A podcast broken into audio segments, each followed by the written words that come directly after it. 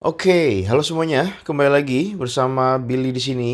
Uh, ini adalah podcast kedua gue setelah podcast uh, yang kemarin yang pertama yang berjudul Dear Fresh Graduates. Kalian silahkan dengarkan dulu itu kalau misalnya kalian belum dengar. Dan di podcast yang sekarang atau yang kedua ini gue mau ngebahas tentang apa yang dimaksud dengan hard skill dan apa yang dimaksud dengan soft skill dan bagaimana kita sebagai calon pekerja atau sebagai calon leader atau sebagai mahasiswa yang ingin lulus kuliah atau kita yang sudah bekerja dan sedang menjalani pekerjaannya. Ya pokoknya apa pun profesi kalian lah ya. Itu gue di sini mau nge-share gimana caranya kita bisa mengatur komposisi hard skill dan soft skill secara uh, menyeluruh dan juga secara balance. Artinya balance itu di sini bukan 50-50 ya, tapi bisa dilakukan saat diperlukan. Nanti akan gue jelaskan uh, lebih detailnya seperti apa.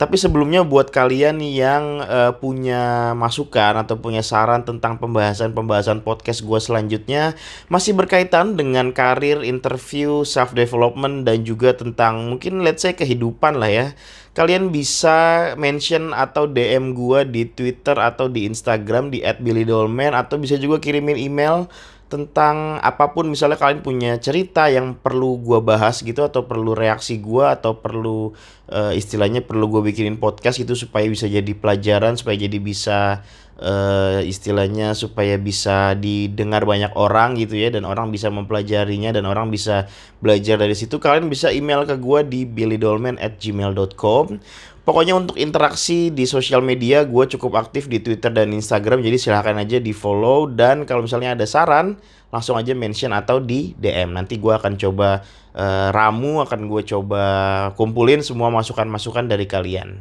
Dan itu dia openingnya singkat aja. Sekarang mari kita langsung ke topik pembicaraannya. Waduh ini sebenarnya agak uh, krusial nih menurut gue langkah-langkah yang harus kalian lakukan sebelum kalian uh, melakukan apa ya gue sih bilangnya sebelum menentukan arah hidup lah nih hidup nih mau dibawa ke mana gitu ya. Jadi di podcast gue sebelumnya gue pernah bilang bahwa uh, ada beberapa hal yang perlu kita lakukan sebelum kita mengenali jati diri ya.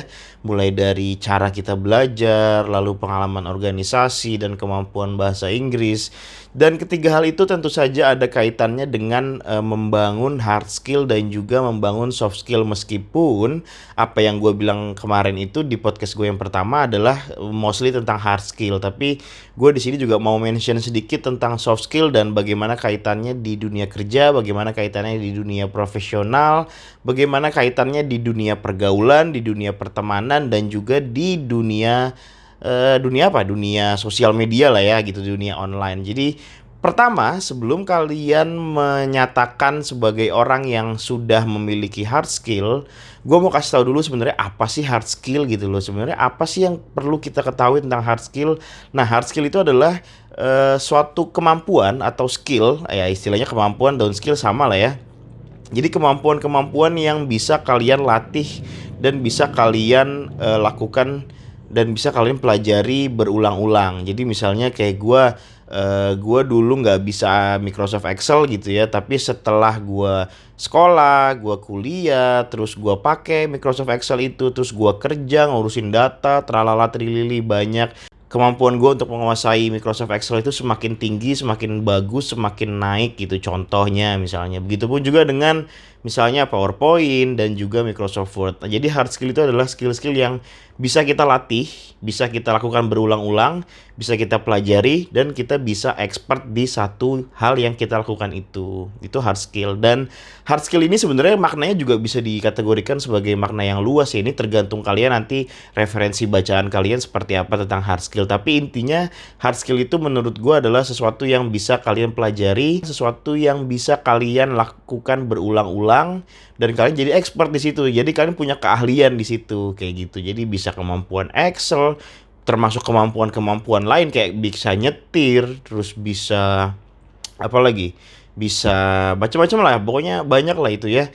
Jadi itu hard skill dan kalau soft skill, soft skill itu adalah skill skill-skill atau kemampuan-kemampuan yang lebih ke arah tata krama, sopan santun, perilaku, kemudian apa lagi? sopan santun. Jadi sifat-sifat atau hal-hal yang berkaitan dengan kehidupan sehari-hari dengan bagaimana kita mengenali diri kita, membawa diri kita, bagaimana orang lain melihat kita terus juga ada tentang kayak etos kerja, terus juga kerajinan, kemalasan dan lain-lain. Pokoknya hard skill dan soft skill ini adalah dua hal yang ada pada diri manusia tinggal bagaimana kita mengatur komposisi, bagaimana kita mengatur uh, keduanya ini bisa uh, saling support satu sama lain. Tapi satu hal disclaimer sebelum kalian berpikir lebih jauh tentang hard skill dan soft skill dan embel-embelnya, gue di sini mau menjelaskan, gue di sini mau membuat disclaimer bahwa fokusnya itu jangan ke hard skill dan soft skill aja dan bagaimana definisi dan lain sebagainya. Itu kalian bisa cari di Google atau kalian bisa pelajari lagi lah di tempat lain. Tapi yang mau gue sampaikan di podcast gue ini adalah bahwa kita hidup di dunia ini baik itu sebagai profesional, sebagai mahasiswa, sebagai pelajar, sebagai pekerja, pokoknya apa pun profesi kalian, hard skill dan soft skill adalah dua hal yang sangat berkaitan dan kalian harus benar-benar terus menguji, terus melatih, terus mereview dan terus uh, belajar lebih banyak, belajar sangat rajin untuk uh, kedua hal ini. Dan sekarang gue mau ngebahas tentang uh, bagaimana kita misalnya mengatur kehidupan kita sehari-hari. Ini sebenarnya contoh simpel sih kayak lo kalau lo mau tahu gampangnya gimana, lo coba deh, lo bikin satu tulisan di kertas ya. Terus habis itu lo tulis dari pagi sampai dari lo bangun tidur sampai lo mau tidur lagi itu kegiatan apa yang lo lakukan dalam satu hari. Itu lu biar tahu tujuannya adalah itu biar lo tahu lu tuh seharian ngapain aja. Nah nanti setelah lo tahu seharian lo ngapain aja misalnya oh gue pagi bangun jam 5 gue sholat subuh buat yang muslim atau gue langsung sarapan atau gue mandi terus gue berangkat kerja lalu gue uh, ke kantor gue nyampe kantor jam 7 misalnya. Terus gue ke kantor ketemu bos gue gue ada meeting terus gue ketemu klien kayak gitu-gitu. Pokoknya kegiatan kalian selama satu hari kalian tulis di satu kertas. Buatlah itu sedetail mungkin dan seterstruktur mungkin. Jadi jangan sampai ada yang pincang-pincang atau ada yang lompat-lompat gitu ya. Nah nanti ketika kalian sudah dapatkan satu lembar itu kalian coba jabarkan dan kalian lihat Kira-kira dalam setiap kegiatan-kegiatan itu hard skill apa yang kalian butuhkan dan soft skill apa yang kalian butuhkan dari setiap kegiatan itu gitu. Jadi hard skillnya misalnya nih gue bangun pagi jam 6 terus gue siapin sarapan. Nah itu hard skill apa? Misalnya hard skillnya gue harus masak. Soft skillnya ya gue harus sabar karena ini nunggu masak air panas dulu terus gue harus jadi itu dijabarkan nah nanti di setiap kegiatan-kegiatan itu ketika lo udah tahu hard skill apa yang lo butuhkan dan soft skill apa yang lo butuhkan itu akan semakin mempertajam pemahaman lo tentang uh, hard skill dan soft skill apa yang harus digunakan dalam kehidupan lo sehari-hari jadi Uh, misalnya nih lo ketemu klien gitu ya ada ibu-ibu. Misalnya lo uh, lo adalah uh, account eksekutif dari perusahaan startup yang menjual software gitu. Nah di sini ada meeting lo sama klien dan kliennya itu misalnya ibu-ibu yang bawel gitu ya terus dia nanya mulu dijelasin berkali-kali nggak ngerti. Nah dari cerita itu lo bisa jabarin oh ternyata ketika gue jelasin kayak gini gue udah ngasih tahu secara hard skill gue uh, presentasi gue ngomong dengan jelas gue bahkan pakai istilah-istilah bahasa Inggris gue juga uh, tunjukin berbagai perhitungan. Itu kan kemampuan gue secara hard skill. Nah itu itu lo itu lo tulis. Dan yang kedua kalau ada kebutuhan soft skill di situ yang lo pakai atau hal-hal apa aja yang secara soft skill lo gunakan di meeting sama klien itu lo sebutin juga oh ternyata gue harus sabar dan gue harus teliti dan gue harus mau menjawab pertanyaan karena itu udah tugas gue oh gue harus legowo gue gak boleh kelihatan sombong, gue harus ramah, gue harus sopan ketika menjawab pertanyaan yang mungkin nyebelin tapi gue harus tetap jaga untuk steady. Itu contoh aja, jadi kalian bisa lakukan kegiatan-kegiatan yang eh, baik itu kegiatan normatif ya, maksudnya kegiatan yang sudah biasa kalian lakukan atau kegiatan-kegiatan yang mungkin jarang kalian lakukan kayak misalnya mungkin ada futsal seminggu sekali. Nah, futsal itu hard skill tapi soft skillnya tuh banyak. Kerja sama dalam tim memimpin tim terus lo nggak marah-marah nggak emosian kayak gitu-gitu. Jadi hard skill dan soft skill itu nanti akan ada semacam komposisi tertentu dan persentase tertentu yang mana kalian akan semakin paham ternyata dalam kehidupan ini kita nggak serta-merta hanya tentang diri kita, tapi ada orang lain yang kita libatkan dalam kehidupan kita.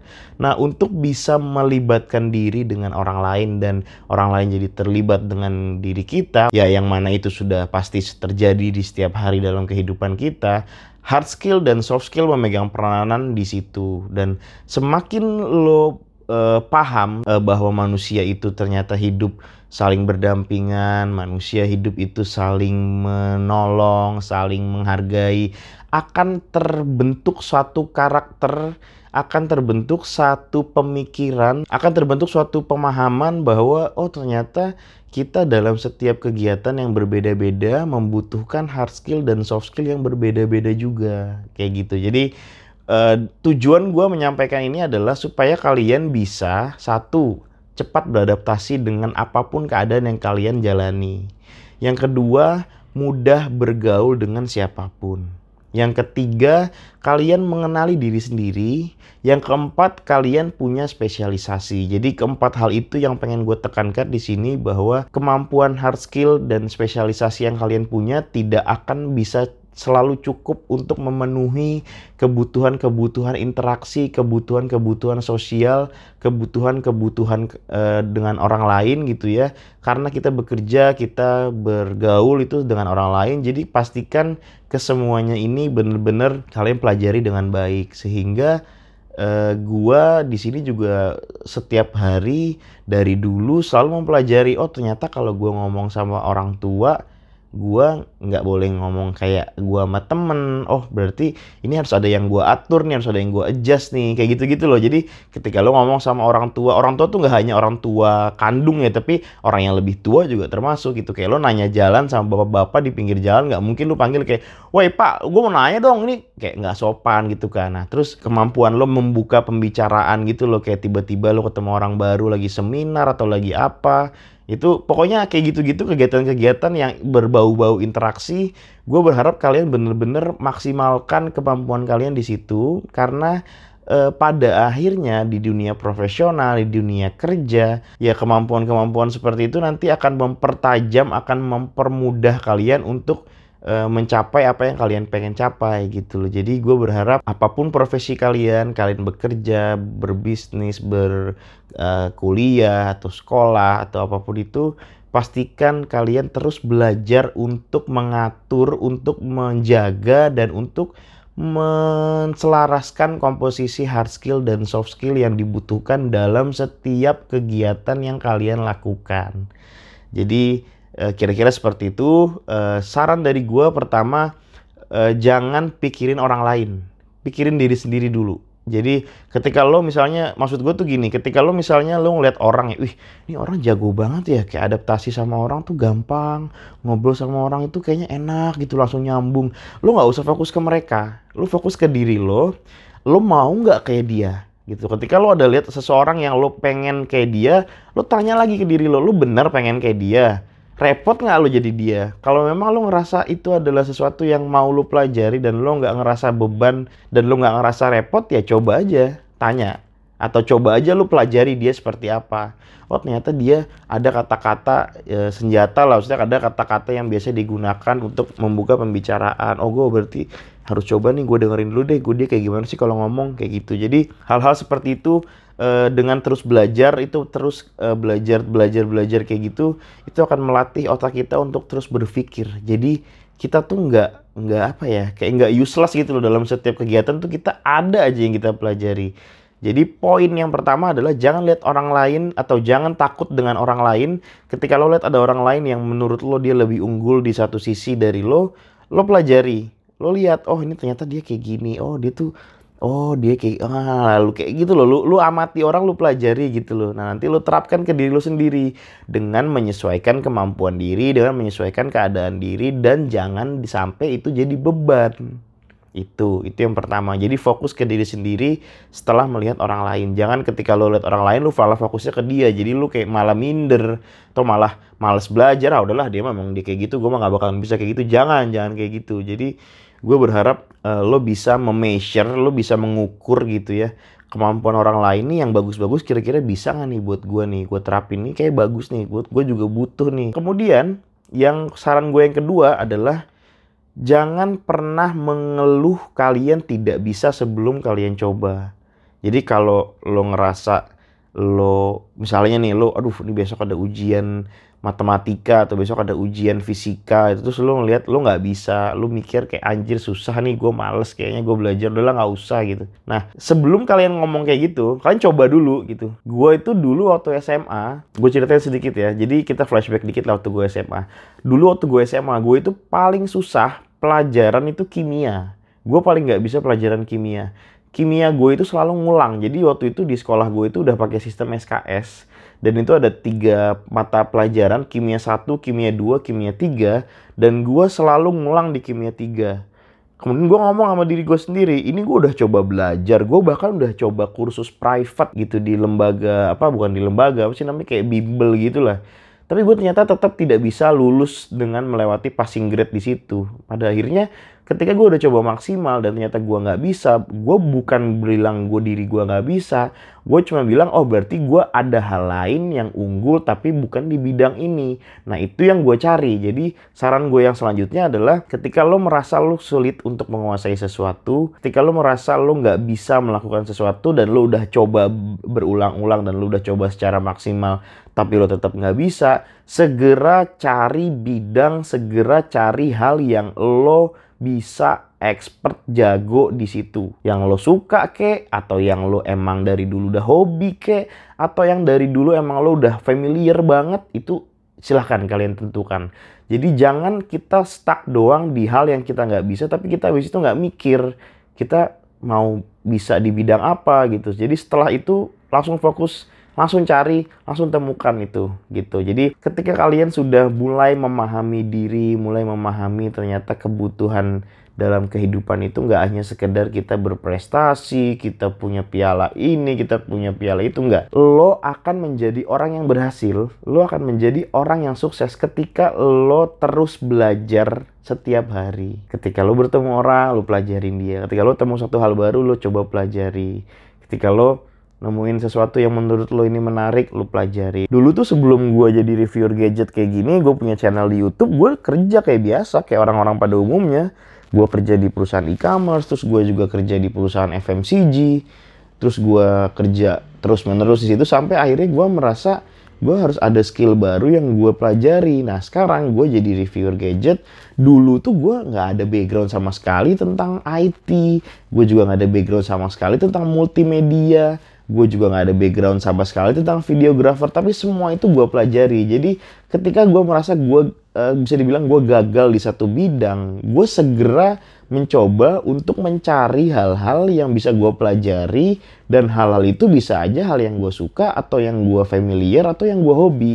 Dan ternyata gue sejauh ini dalam sepanjang gue sekitar lima tahun sebelum gue mulai channel YouTube, gue tuh suka dengan gadget gitu loh. Jadi dan ketika gue melakukan pokoknya yang berbau gadget gue suka. Loh ini kok jadi enak ngejalaninnya gitu loh. Jadi melakukan hal yang lo suka bukan tentang lo suka terus lo berhasil bukan itu. Tapi melakukan hal yang lo suka atau lo melakukan itu karena hobi atau lo melakukan itu karena lo udah familiar sebelumnya itu akan sangat memudahkan lo untuk menjalaninya secara terus menerus karena lo enjoy lo nggak beban. Nah jadi itu saran gue kalau misalnya lo sudah uh, gagal di satu bidang lo cari bidang lain yang Terus kayak gitu gue aja sampai sekarang masih coba cari-cari. Gue belajar tentang videografi, gue belajar tentang kamera, gue belajar tentang edit video, ngobrol sama orang, nanya sini, googling sana, googling sini. Jadi kira-kira seperti itu, oke? Okay? So kesimpulannya di podcast gue kali ini, gue pengen menekankan ke kalian bahwa yang bisa gue simpulkan uh, adalah satu jangan pernah berhenti belajar, kedua fokus terhadap diri sendiri, ketiga pelajari hard skill dan soft skill apa yang kalian butuhkan dan kalian pengen terapin dan kalian pengen punya di diri kalian. Yang keempat, ketika kalian merasa gagal dalam satu bidang, segera coba, segera cari bidang baru yang kalian suka atau yang kalian memang sudah hobi atau yang kalian sudah lama familiar di bidang itu. Dan kemudian nanti ketika kalian sudah menjalani itu dengan uh, sukacita, maksudnya dengan tanpa beban. Pokoknya ada aja deh jalan mana nanti masalah rezeki, masalah gaji, masalah uang segala macam. Jadi cara gue untuk mencintai diri gue sendiri adalah dengan mencintai apa yang gue lakukan. Jadi jangan sampai ada beban. Karena kalau lu menjalankan sesuatu dengan beban gitu ya rasanya kayak beban gitu, lu nggak akan maksimal dan lu nggak enjoy karena hidup itu harus enjoy man gitu. Dan saran gue terakhir sebelum kita tutup podcast yang kedua ini, buat kalian yang masih bingung, misalnya lulus baru lulus sekolah atau baru mau milih jurusan gitu ya udah lulus atau lagi kuliah tapi masih belum tahu nih mau penjurusan yang lebih detailnya itu apa. Coba deh kalian pertimbangkan baik-baik podcast gue kali ini dengarkan baik-baik pelajari semua hal yang udah gue bilang dan ya semoga podcast ini bisa membantu lo semua yang lagi membutuhkan uh, semangat dan juga membutuhkan cara untuk bagaimana kita bisa mengenali diri sendiri sehingga kita bisa terus mencoba untuk menguasai berbagai hal yang diperlukan dalam kehidupan ini. Apa pun profesi kalian. Dan kalau misalnya kalian suka dengan podcast ini atau kalian merasa terbantu silahkan di-share ke teman-teman kalian yang mungkin membutuhkan dan gue juga pengen dengerin nih review kalian setelah mendengarkan uh, podcast gue ini silahkan di mention gue aja nanti reviewnya gue sangat mengapresiasi uh, segala bentuk review, segala bentuk masukan, kritik dan saran dari kalian. Sekali lagi gue bilang silahkan kalau misalnya kalian uh, mau interaksi langsung dengan gue bisa follow di Instagram atau di Twitter gue di @billydolman dan kalau misalnya kalian ada saran atau ada masukan tentang materi-materi apa yang pengen uh, gue bahas di podcast gue silahkan kalian kirimkan mention atau kirimkan DM atau kirimkan email. Kalau email itu gue billydolman at gmail.com. Oke, terima kasih sudah mendengarkan podcast gue kali ini. Sampai bertemu lagi di podcast selanjutnya.